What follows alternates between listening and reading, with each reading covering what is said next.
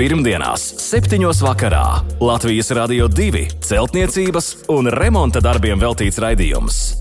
No pamatiem līdz jumtam. Ar padomiem un atbildēm uz klausītāju jautājumiem Latvijas Rādio 2 studijā - tehnisko zinātņu doktors, būveksperts Juris Biršs. Sveicināti! Raidījumā no pamatiem līdz jumtam studijā Inese un kā katru pirmdienas vakaru uz jūsu jautājumiem atbildēs un vērtīgus padomus sniegs būveksperts, tehnisko zinātņu doktors Juris Biršs. Labvakar, Birškungs! Labvakar! Un šovakar sāksim ar Edvīna atsūtīto vēstuli. Pirms 16 gadiem uz fasādes tika uzklāts mozaīkas apmetums. Tagad saules pusē tas ir sācis lobīties uz sienām, kur saule visu laiku nespīd, viss ir kārtībā. Šo apmetumu Edvīns vēlas noņemt. Vai var jaunu apmetumu klāt virsū vecajam, nenoņemot respektīvu veco? Jautā Edvīns. Ir doma nokasīt tur, kur iet nost, lobās, pēc tam uzklāt betonu kontaktu pa visu plakni, tad līmjavu, tad fasādes grunti un noslēgt ar jaunu apmetumu. Vai tā drīkst rīkoties? Jā, nu, dzīves situācija. Mums ir jāsaprot, ka teiksim, vairāk kā 10 gadus, 16 gadus atpakaļ, pamatā visi apmetumi, tomēr, kas bija tie dekoratīvi tādi un īpaši arī jā, mozaikas, mozaikas veida apmetumi, parasti bijusi sintētiskas bāzes, tātad ar sintētiskām saistvielām saistīta. Un līdz ar to arī mm, saprotams, ka viņas ir savu laiku nokalpojušas 16 gadus. Tas nav mazais laiks pie kaut kāda dekoratīva apmetuma. Un saules puse, kas tur rāda, kur biežāk ir apmetums sakarses.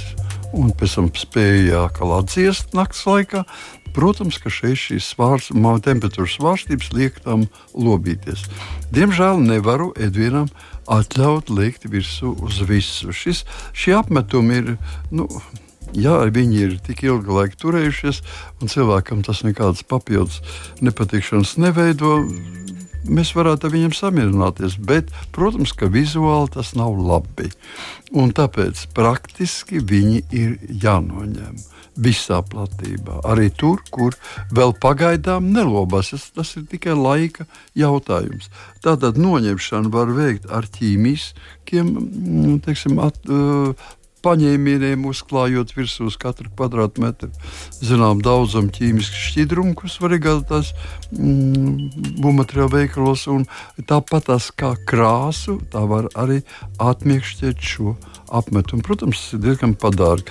Ja var, ir pacietības to mehāniski noslīpēt vai nokasīt, tas būtu daudz labāk, bet, protams, tas ir milzīgs darbs. Un tālāk šī doma ir pareiza. Ja pēc tam, kad tas ir noņemts nost, tas nenozīmē, ka noteikti vajadzētu lietot um, teiksim, betonu kontaktu vai vispār tās gruntis, kas ir domāts uz nepiesūcināmām virsmām. Šeit uh, mēs pilnīgi pietiktu ar fasādes grunti fasādes grunti, ja šī fasāde ir notīrīta. Tas nozīmē, ka viņa ir kļuvusi elpojuša. Ja viņa nevar notīrīt un, un viņa turpina būt ūdens tvaika nesaulaidīga, tad, jā, tad varētu šis betona kontakts varbūt vairāk palīdzēt. Nu, tālāk, protams, ka viss iet savu gaitu. Tā tad ir attiecīgiem Izlīdzinošās kārtas ir attiecīgās līmjavas un jauns apmetums. Es ieteiktu tomēr piesar, pie, tātad, izmantot vienas firmas visu šo plējādi, būs mazāk problēmas. Un, protams, jau cenšas dabūt tādu apmetumu, kas ir elpojošs. Nu, viņš varbūt neizturēs 16 gadus, bet 10 gadus noteikti. Jā, Bieži kungs, es iedomājos to, ka Pašlaik mums piedāvājumā ir tik dažādas firmas un tik dažādi materiāli un tik dažādas iespējas, ka cilvēks apjūg bieži. Un nopērk tādu materiālu, varbūt, kurš nemaz mūsu klimatiskajiem apstākļiem nav piemērots, teiksim, Itālijā vai Vācijā ražot. Un pēc tam radās šīs problēmas. Jā, tieši tā. Es, es teiktu, pat, ka šeit ir galvenokārt jāiz, jāsaprot mūsu klimatiskiem apstākļiem. Jebkurā gadījumā visi pārklājumiem jābūt ir elpojušiem, jo mēs jau iekšpusē ēkas iekšpusē rada mitrumu. Tātad tas nozīmē, vai nu mums iekšpusē ir fantastiska rekuperācijas sistēma, kas visu mitrumu uh, savāc un neļauj viņam vispār ieiet iekšā ēkas sienās, vai mēs lietojam elpojuši, tā sakot, pēdiņās. Ja. Tātad tādu, tādu sienu materiālus un tādus apgabals materiālus, kas laiž cauri mm, gāzes un ūdens tvaiks. Jā, un ir atbilstoši mūsu klimatam. Paldies, Biržkungs, par atbildi Edvīnam. Turpināsim ar Mārtiņu vēstuli. Mārtiņam ir jautājums par jumta vēja barjerām. Mājai 2017. gadā mainīts jumta segums un arī spāris mainīts. Uz spārēm uzklāju difūzijas plēvi ar mikrospraugām, pēc tam liku betonu dakstiņu. Tagad grasos jumtu siltināt no iekšpuses, raksta Mārtiņš. Vai nepieciešams starp spārēm likt papildu vēja barjeru? Ja jā, tad kādu? Kokšķiedras vai kādu pretvēju vati? Un kāda ir šo veicamo darbu secība? liela darba iecerēta. Jā, iecerēta lieli, un, un kaut kas jau ir darīts. Redzēt, acīm redzot, ir bijis savādāks jumta klājuma materiāls, un tāpēc e, ir uzklāta agrāk. Tad, tad bija mazliet savādāk tā konstrukcija. Tagad Mārtiņš ir uzklājis uz spārēm difūzijas plēvi. Un tajā pašā reizē mēs, e, saka, mēs sakām, ka mums ir betona dakstiņa jumts. Betona dakstiņa ir atsevišķi priekšmets. Tas nozīmē, ka betona dakstiņiem būs spraugas, caur kurām mūsu klimatiskos apstākļos smalks pulverveids sniegs brīvi iekļūst zem, zem seguma telpā. Un tātad to mēs pieļaut nevaram. Pie tam tas iekļūst daudz vairāk nekā, nekā teiksim, rada mitrumu kapilāri. Tas ir pilienveidi, pilienveidi ūdens, kas ir kondensēta ūdens. Un tāpēc praktiski pareizi būtu, ja mēs uz pārēm ieklātu nevis difūzijas plēvi, bet gan tvaikizolācijas plēve ar antikondensāta pamatni. Tā ir vienīgā vieta, kur pielieto šādas plēves. Un tādā radot attiecīgi iespēju uz šīs plēves, vidojot šo plēvi iekarst starp spāriem ar, ar, iekar, ar ieliekumu, vismaz 2 cm ieliekumu, ja starp spāriem ir tuvināts 60 cm. Un pa šo tātad savāc, savācās kondensāts uz sniegs un lēnām slīd uz leju. Viņš tiek izvadīts uh, horizontālā ūdens notekurienē. Un Un tālāk mums, mums sakot, nu, teiksim, tās uh, gaisa sprauga, pa kuru virzās gaisa, un tālāk iet difūzijas plēve un siltumizolācija. Nu, eh, vienam tāda varianta, tas ir atveris Mārtiņam, Mārtiņam tāda varianta nav. Tāpēc ja mēs atstājam difūzijas plēvi, to var atstāt. Eh, tas nav labi mūsu klimatiskos apstākļos. Vairāk uz dienvidiem tā ir eh, ikdienas praksa. Vācijā tā tikai būvē. Tur absolūti neliek šo, šo tvaikizolāciju ar antikondensātu pamatu. Tātad, var, tā, tādā gadījumā, ja atstājam, tad liekam siltumizolāciju līdz pašai difūzijas plēvei. Protams, mēs riskējam ar to, ka sniegs, kas teiksim, ziemās, kad ir bagāts, kas arī būs acīm redzot bagātāks ar sniegu, šis pulverveids sniegs var aizputināt visu šo spraugu. Viņš var sasalt, jo neaizmirstam, ka šajā spraugā ir vislielākie augstumi, tur ir pilnīgi augsts. Un arī teiksim, tā, tās uh, kondensāts, kas veidojas no siltumizolācijas, izplūstot šajā spraugā ar difūzijas plēvi, var sasalt.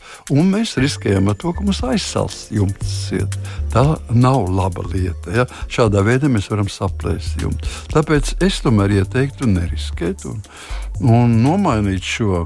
Ja tas ir iespējams, protams, to darīt, nomainīt šo difūzijas plēvi ar tādā tvaikizolācijas plēvē ar antikondensātu pamatu. Nu, droši vien Biržkungs tas ir iespējams, jo Mārtiņš ir tikai pašā darba sākumā un jau ir uzrakstījis vēstuli un pajautājis. Jā. Tā kā Vēlam. Nu, jā, es ceru, ka uh, katrā gadījumā šie darbi iespējami gan no vienas puses, gan no otras puses. Ja reiz uzlikt arī šie betona daksīni, tas nenozīmē, ka to nevar izdarīt. Protams, lielāka ķēpa, lielāka, vairāk darba, bet uh, nu, jādara viss pareizi. Bet tas būs ieguvums nākotnē. Noteikti. Jā, paldies par atbildi Mārtiņam. Pirmdienās, 7. vakarā Latvijas Rādio 2 celtniecības un remonta darbiem veltīts raidījums. No pamatiem līdz jumtam. Ar padomiem un atbildēm uz klausītāju jautājumiem Latvijas Rādio 2 studijā - tehnisko zinātņu doktors, būveksperts Juris Biršs.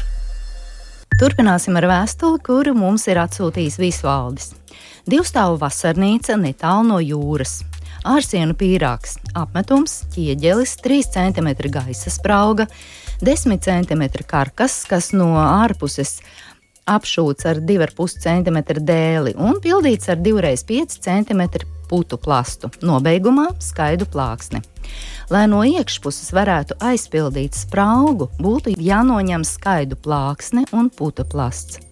Pēc tam koka karkasam jāpieliek vēl 10 cm un jāiepūš ekovati. Noslēgumā 2,5 cm kokšķiedras plāksne un kaļķa apmetums.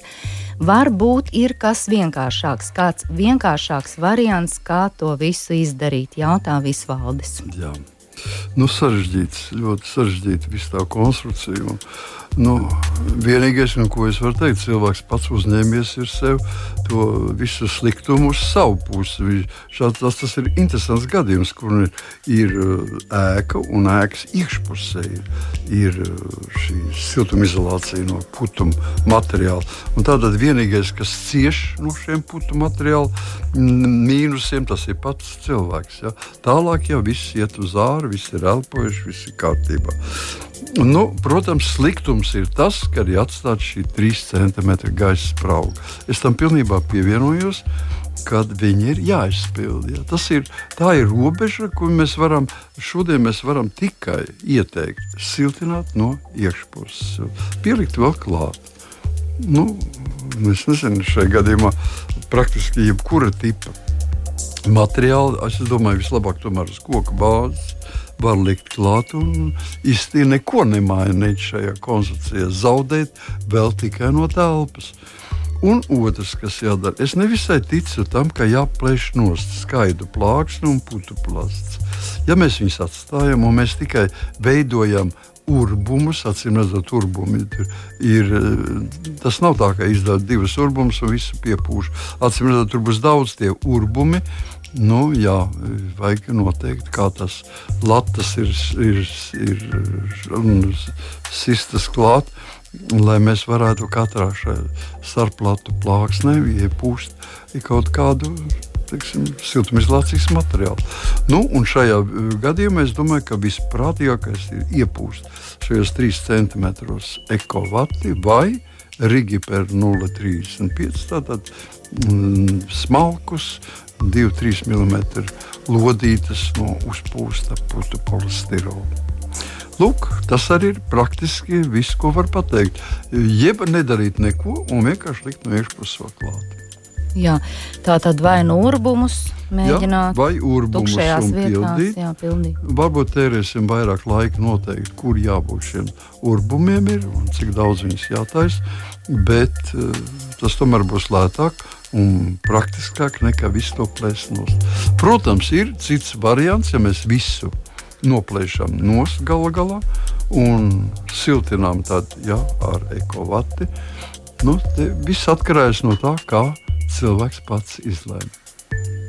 Jā, tā tad ir vairāki varianti, un pašam visvaldim vien būs jāizšķiras, Jā, kuru, kuru izmantot. Jo es teiktu, ka visa ēka nejūt šo, šo teiksim, to, ka tas ir izdarīts tikai no putu. Ja tas būtu putu polistirola materiāls, ja tas būtu no ārpuses, tā būtu cita lieta. Ja, tad iet bojā arī ēka bojātos, un mēs ieteiktu citus variantus. Šajā gadījumā, ja cilvēks spēj izturēt šo iekšējo, tas nav veselībai nekas, nekāda uzlabojums. Tas ir tie grūti apstākļi, bet cilvēks ir spēcīgs, ātri pierod.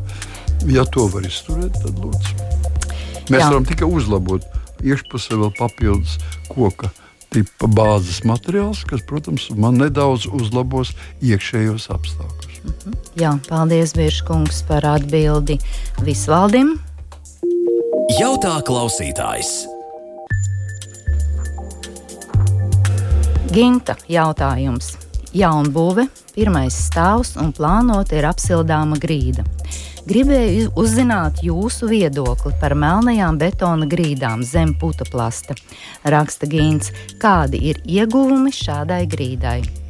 Vai uz melnās grīdas papildus ir jāliek hidroizolācija, ruberoīda klājums? Un Gintam ir plānots šāds grīdas pīrāgs, blietēta grunts, blietētas šķembas 150 mm, tvaika izolācijas plēve, betona melnā grīda, 50 mm ruberoīda klājums, ekstrudētais putu polisterols un armatūras siets un siltās grīdas apkures caurules, estrikts sausais betons 70 mm. Vai šāds grīdas pīrāgs ir pareizs? Un vēl jautājums, kur beidzas plēve, kas atrodas zem melnās grīdas? Jā, nu, jautājumu ir daudz. Jūtams ir tas, ka īsti skaidri nav šī katrai sastāvdaļai, katram slānim ir savi uzdevumi. Tātad tas tā gluži īsti skaidrs nav. Um, iziesim cauri vēlreiz. Ļoti interesants ir šis pīrāgs, un iziesim no paša sākuma. Tātad blietēta grunts mums pilnībā apmierina visus. Tālāk ir blietētas šķembas, kā minimums 100 mm. Nu, teiksim, Gins grib 150, lai būtu, lai būtu 150 mm blietētas šķembas. Galvenais, lai nebūtu sīkas frakcijas. Tātad frakcija 20, 40 ir ļoti laba. Tālāk, tvaika izolācijas plēve obligāti. Tas ir viens no galvenajiem šīs konstrukcijas punktiem. Un pašā beigās bija jautājums, kur beidzas plēve, kas atrodas melnās grīdas. Šī plēve pārklāja visu uh, tātad šķembu klājumu, un tur, kur beidzās šķembas, tur beidzās arī šī plēve. Viņa varētu būt ne tikai uz augšu, viņa varētu būt uz leju pat ap, uh, apņemta riņķī, uh, ielocīta, ja, ja tas ir nepieciešams. Tātad tikai nosedz šķembu virsmu. Jo kas mums veidojas? Pa grunti mums pacelsies uz augšu ūdens, pilienu veidā.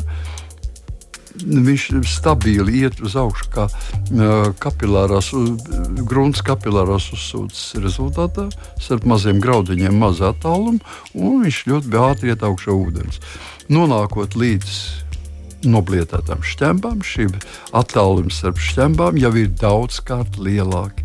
Kapilārā uzsūce kļūst niecīga vai vispār izbeidzas, un ūdens paliek neejot tālāk, paliek līdz tur, kur sākās šķembas.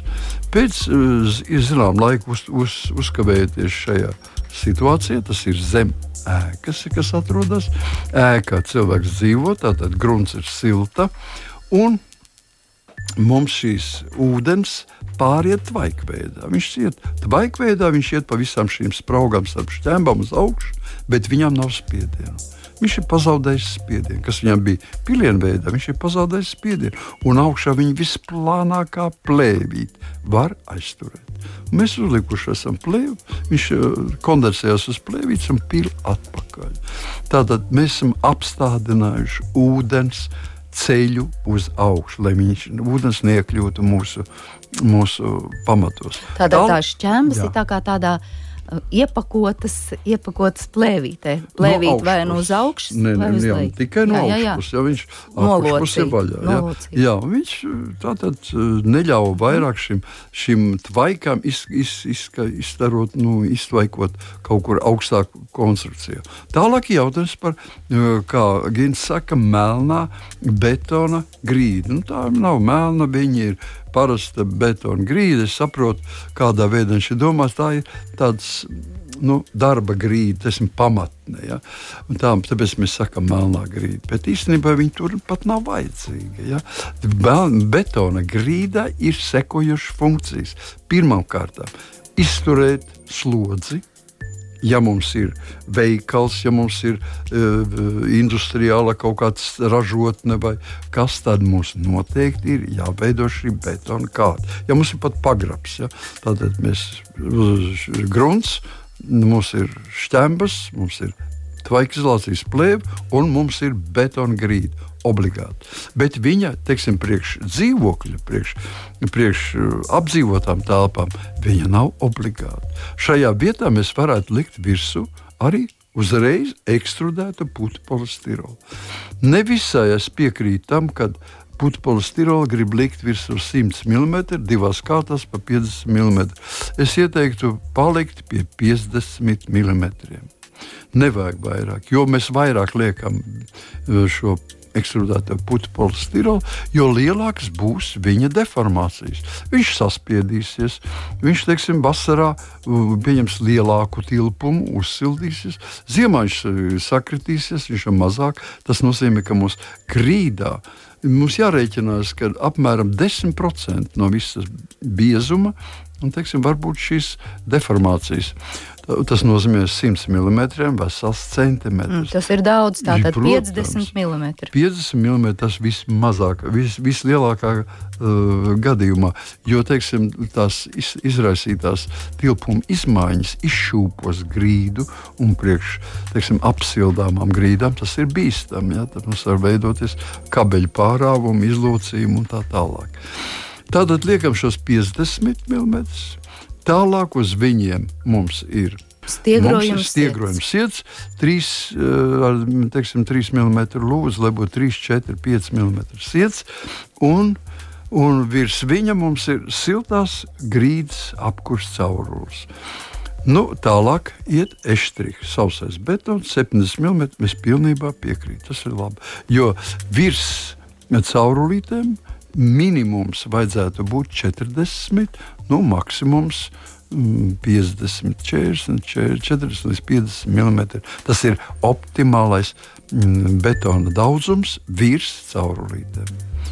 Liekas, ka esmu uz visiem jautājumiem atbildējis. Liekas, ka jā, mums atkrita betona melnā grīda nav vajadzīga, putu polisterols 50 mm un pārējais viss jā, ir vienīgais. Pareizi. Vienīgais, kas man vēlreiz jāpasaka, nevajadzētu teikt, ka pilnībā nav vajadzīgs. Viņš varbūt mainīsies kādreiz doma par telpu, un telpu izmantos kaut kādiem citiem nolūkiem, nu, arī garāžai. Tad varbūt. varētu būt, ja cilvēks viņa, tas nedara neko ļaunu. Īpaši daudz.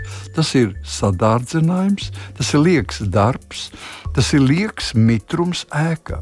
Jo veidojot betona grīdu 50 mm biezumā, uz katra kubikmetra aiziet apmēram nu, 180, 200 litru ūdens. No šiem 200 litriem ūdens ceturtā daļa iet uz ķīmiju kas mums ir nepieciešama, un pārējais iztvaiko telpā. Tas nozīmē, ka mēs to ēku vienkārši nu, piesūcinām ar ūdeni. Vai tas ir liederīgi? Un vēl izmaksas. Nu, šajā gadījumā, ja tā tiešām dzīvojamā istaba, tad tas nebūtu liederīgi. Domāju, ka jā. Paldies par atbildi Gintam. Juris, Juris vēlas uzcelt malkas šķūni uz stabveida veidņos lieta betona pamatiem ar OSB grīdu, kas pacelta virs zemes 15 cm. Un Jurim ir tāda problēma, un viņš jautā, kā likvidēt zāles un nezāļu augšanu pagrīdē. Zemes norekšanu un šķēmu uzvešanu Juris fiziski nespēja paveikt. Un ar kādu plēvi labāk varbūt pārsekt šo zāli, jautā Juris, vai ar parastu plēvi vai difūzijas plēvi. Nostiprināt viņš vēlas šo plēvi pa perimetru, varbūt ir kāds cits mazāk darbietilpīgs variants, lai uzceltu šo malku šķūnīti. No, nu, tad, tad man ir diezgan grūti ko atbildēt, jo pirmkārt jau es ne, neredzu neko milzīgu, sliktu. Ja arī tās nezāles tur, nu, vien izņemot to, ka tās nezāles var tur, viņas nemaz tur īpaši negribēs augt, bet nu, kaut kāds zāļu segums tur var veidoties. Vislabākais līdzeklis ir, protams, labs caurvējš. Ja? Labā caurvējā tur neveidosies nekāda liela, liela zāle. Otram kārtām var izmantot nu, tos dažādas antiseptikas līdzekļus, dažādas pretsēņu līdzekļus, kurus iepūšot šajā pagrīdē, varētu samazināt. Bet tie ir periodiski. Tas nozīmē, ka katru gadu jāatjauno. Protams, ka labāk būtu bijis noņemt augšējo kārtu, uz viņas uzbērt izdečus vai, vai keramzīta granulas, un tur nekas neaugs vairāk. Tālāk. Tas viss būtu būt pareizi. Nu, ja runa iet par plēvi, tad izmantojiet. Pat Jurijam ieteikt izmantot vienkāršāko dārzniecības plēvi un viņu sakot, nostiepjot un uzliekot virspusē. Protams, ka mēs mm, nu, neļausim tai, tai tām zālājām īpaši augt. Visvienkāršāko plēvi, vislētāko plēvi. Jā, paldies par atbildi Jurim. Un noslēgumā vēl Egila vēstule un jautājums. Vai bērniņu telpas ventilācija ir nepieciešama? Ja ir, tad kā to racionāli izveidot? Laikam uz pirmo jautājumu daļu, vai ir nepieciešama, ir atbilde jā un tikai. Bet uz otro jautājumu daļu tur varētu būt daudz un dažādi varianti. Ja Jā. ir nepieciešama, tad kā to racionāli izveidot? Nu, ja es tikai pārliecinoši mēs nevaram teikt, jo šeit neiet runa par jumta ventilāciju, šeit iet runa par bēniņu, telpas ventilāciju. ventilāciju nu, ir cilvēki, teiksim, kas nu, mūsu senči vispār neinteresēs par šo jautājumu, pie brīva gaisa iekļuva pie pakšiem un pie, teiksim, pie jumta cegas. Un tie gāja iekšā un tur pūta caurvēji. Nu, pamatīgi ventilācija. Jā, pamatīgi ventilējās. Tur pat ventilācija nebija nekādas sarunas. Šodien mēs cenšamies kaut ko piesekt un, un, un, un spraugas un jumta kastus veidojam dažreiz pat ar spundētiem dēļiem. Un tā kā tā parādās šie jautājumi. Ja cilvēks tomēr grib ventilēt, tad ir divi vienkāršākie līdzekļi. Tātad vai nu mēs veidojam abos zelminos, tad abos galos mēs veidojam ventilējušos atveres, tas var būt lokus, dažāda forma logi.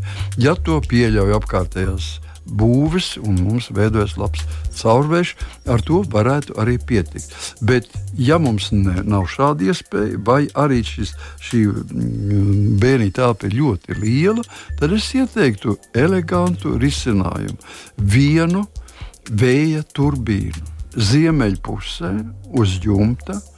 Vienkārši ejot savu, viņu uzstādu uz jumta, viņš savienojās ar bēniņu telpu, un kā vējš griež, tā viņš viņu pumpa sūc to ga, gaisa laukā, apstājoties, viņš iet otrādi un atkal mm, gaisa. Ir mehāniski, viss jā, kustās. Jā, viņi tikai mehāniski uz vēja enerģiju. Pie tam viņi ļoti skaista, kaimiņiem patiks un vispār piedod ēkai tādu labu izskatu. Es teiktu, ka tas ir risinājums vislabākais. O, cik interesants risinājums!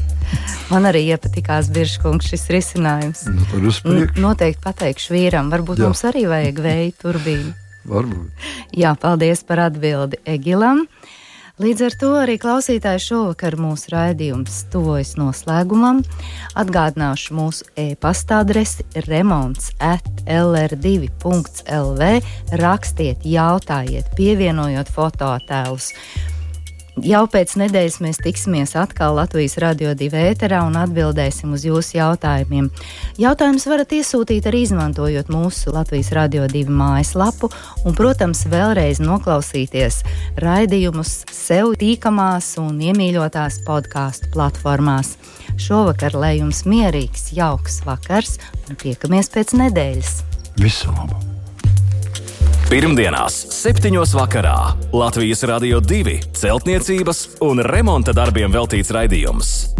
No pamatiem līdz jumtam.